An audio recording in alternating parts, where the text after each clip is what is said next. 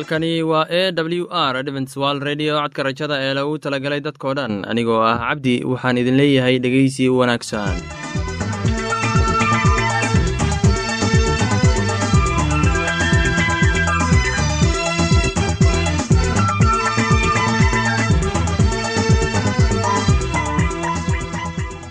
barnaamijyadeena maanta waa laba qaybood. Qaybta koowaad waxaad ku maqli doontaan barnaamijka caafimaadka. Kadib waxaa inoo raaci doonaa cashar inaga imid bugga nolosha. Barnaamijyadeena maanta si wanaagsan u dhegeysan doontaan haddii aad qabto wax su'aal ama tala. Iyo tusaale fadlan inala soo xiriir dib ayaynu kaga sheegi doonaa ciwaankayagu balse intaynan u guudagelin barnaamijyadeena xiisaa leh waxaad marka hore ku soo dhowaataan. Heestan daabacsan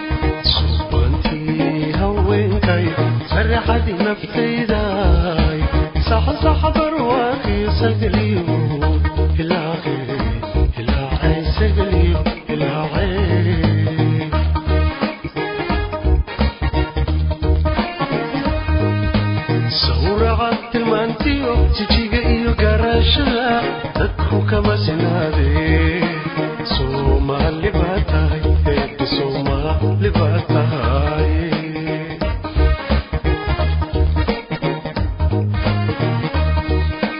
sawraca tilmaantiyo jijiga iyo garaashaha dadku kama sinaade soomaali baa tahay eebbi soomaali baa tahay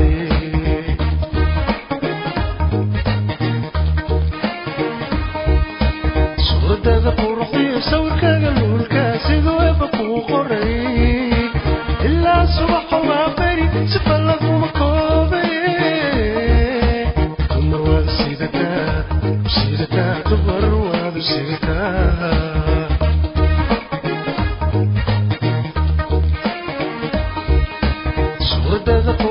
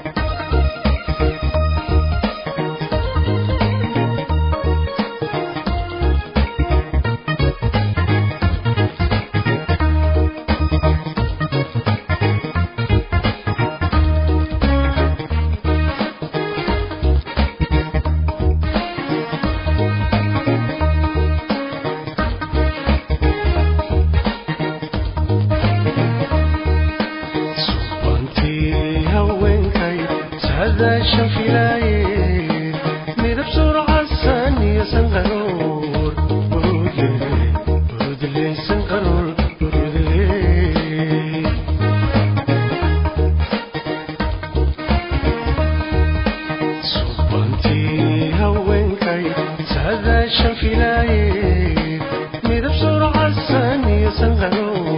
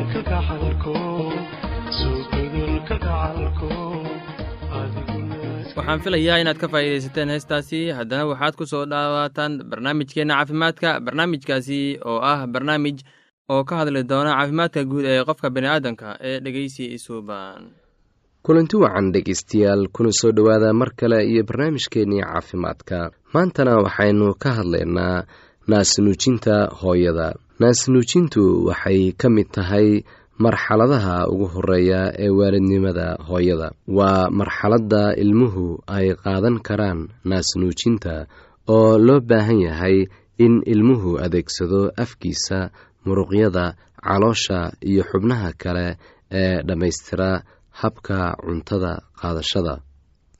Marka uu ilmuhu dhasho waalidku wuxuu hanuun u qabaa in uu ilmaha dhashay wixii karaankiisa ah u qabto waxayna noqon kartaa dhar gogol ama cunto. Marka ay tahay in la nafaqeeyo caanaha cuntada ugu habboon ee ilmaha yar waa caanaha naaska hooyada. Haddaba cilmi baaris la sameeyey ayaa lagu xaqiijiyey in caanaha naaska hooyada ay tahay tan ugu habboon ee lagu nafaqayn karo dhallaanka ayna ka difaacayaan jirooyinka inta badan. Run ahaantii waxaa la ogaaday baaritaan kadib ilmaha naaska la nuujiyey in ay ka jiro yar yihiin marka loo eego ilmaha aan naaska la siin.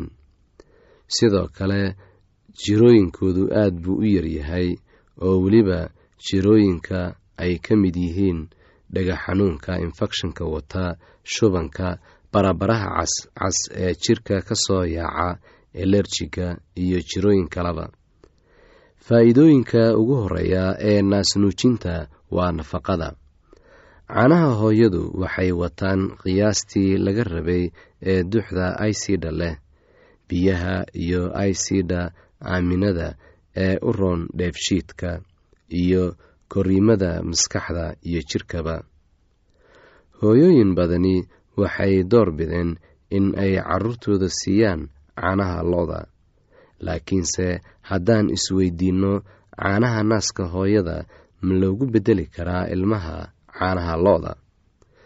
Waxaa iyana la ogaaday in caanaha lo-du ay leeyihiin brotiin ka duwan kan caanaha naaska hooyada.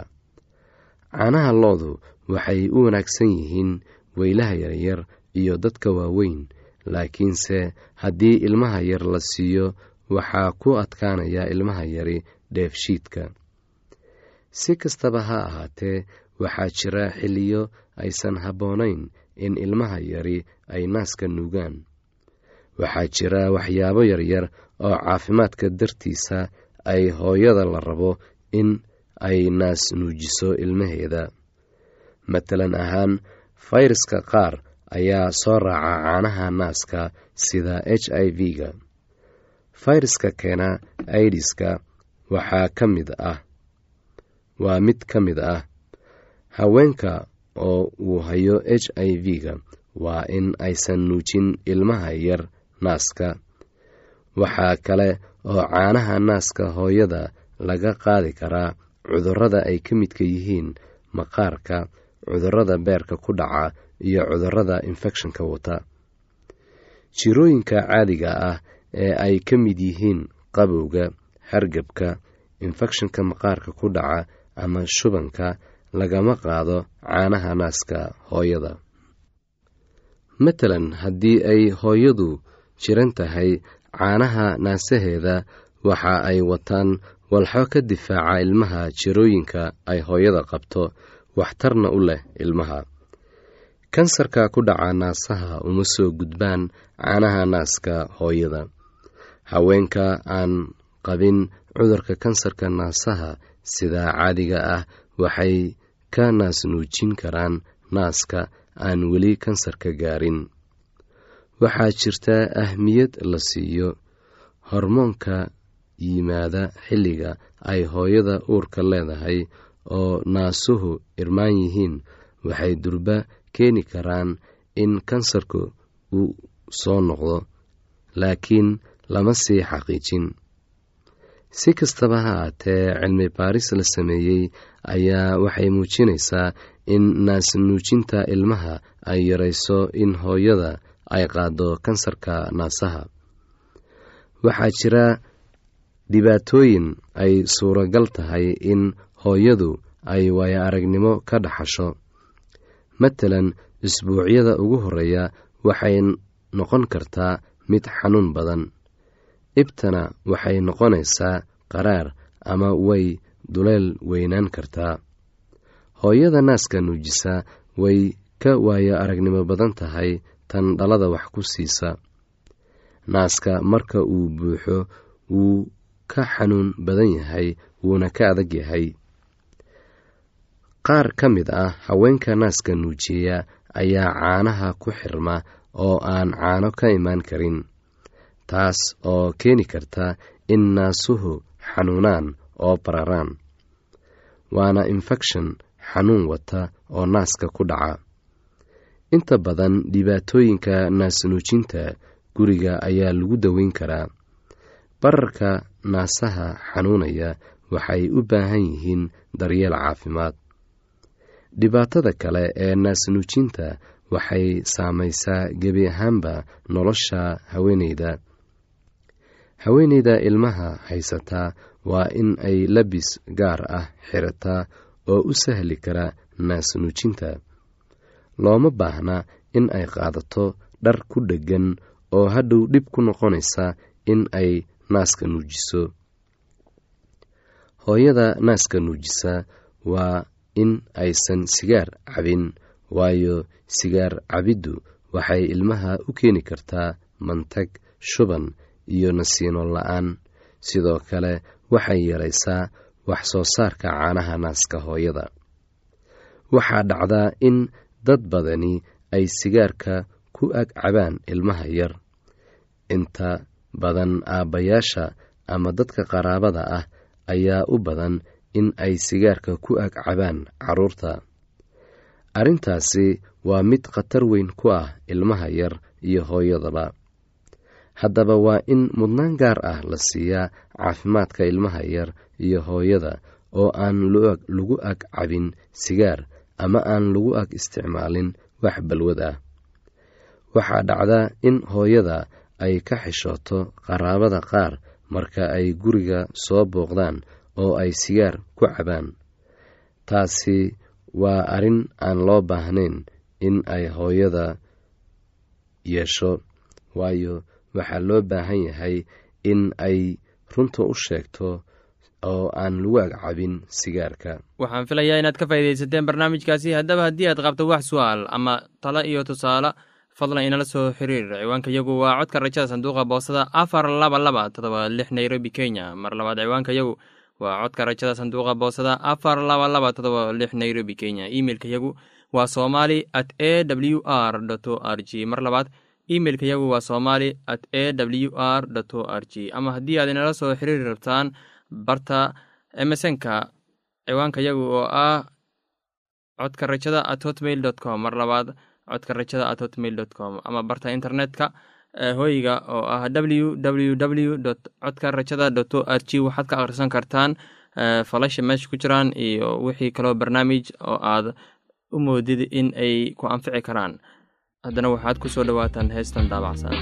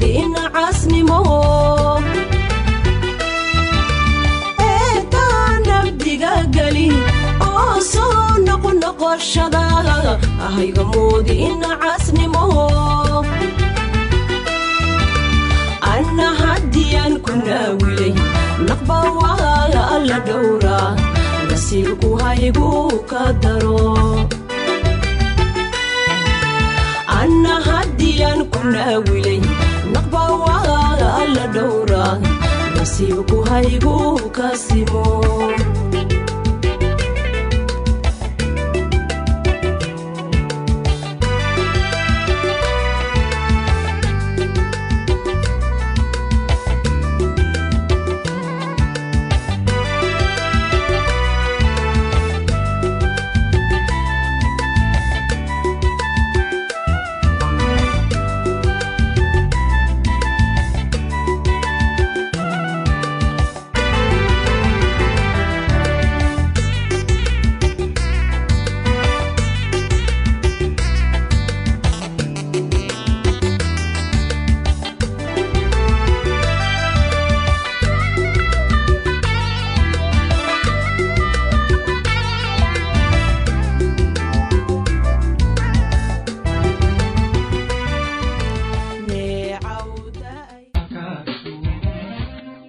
waxaan filayaa inaad ka faa'iidaysateen heestaasi. Haddana waxaad ku soo dhowaataan barnaamijkeenna kitaabka quduuska. Barnaamijkaasi waa barnaamij ee ku saabsan ereyada xikmada badan oo aan ka soo xulannay kitaabka quduuska ee dhegeysi wanaagsan.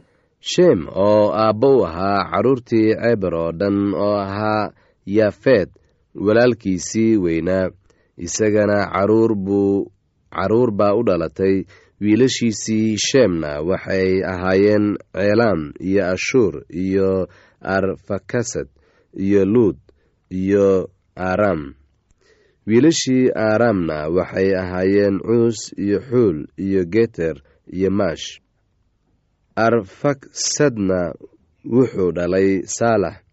Saalaxna wuxuu dhalay ceeber ceeberna waxaa u dhashay laba wiil. Mid magaciisa wuxuu ahaa feleg waayo waagiisii ayaa dhulka qaybsamay. Magaca walaalkiisna wuxuu ahaa yoqtaan.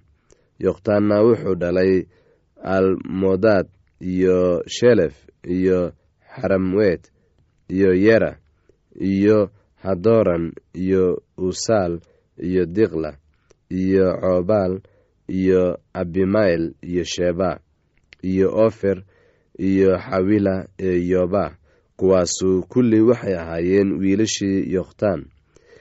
Meeshay degganaayeenna waxay ku bilaabmaysay meesha marka loo kaco xagga sefaar buurta bari kuwanu waxay ahaayeen wiilashii sheem sidii qabiilooyinkoodii iyo afafkoodii iyo waddamadoodii iyo quruumahoodii ay ahaayeen. Kuwana waa qabiilooyinkii wiilashii nuux sidii farcankoodii iyo quruumahoodii ay ahaayeen. Oo kuwana quruumaha ka kala qaybsameen dadkii dabadiis.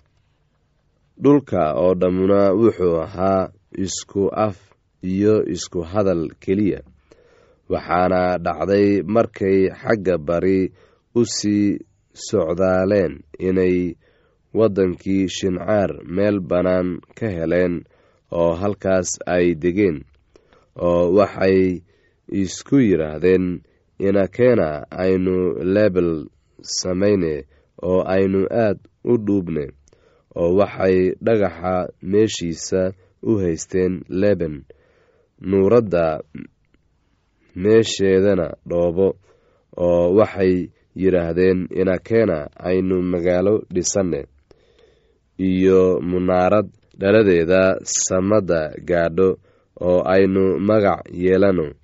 Waaba intaasoo aynu dhulka dushiisa oo dhan ku kala firirnaaye. Rabbiguna wuxuu u soo degay inuu arko magaaladii iyo munaaraddii ay bini-aadmigu dhisayeen. Oo rabbigu wuxuu yidhi bal eega iyagu waa isku dad keliya oo dhammaan isku af keliya bay leeyihiin oo waxaanuna waa waxa ay bilaabayaan inay sameeyaan oo haatan wax ka hor joogsan doona waxay damcaan inay sameeyaan ma jiraane. Inakeena aynu degne oo halkaas aynu afkooda iskaga qasne yaan midna midka kale hadalkiisa garanine.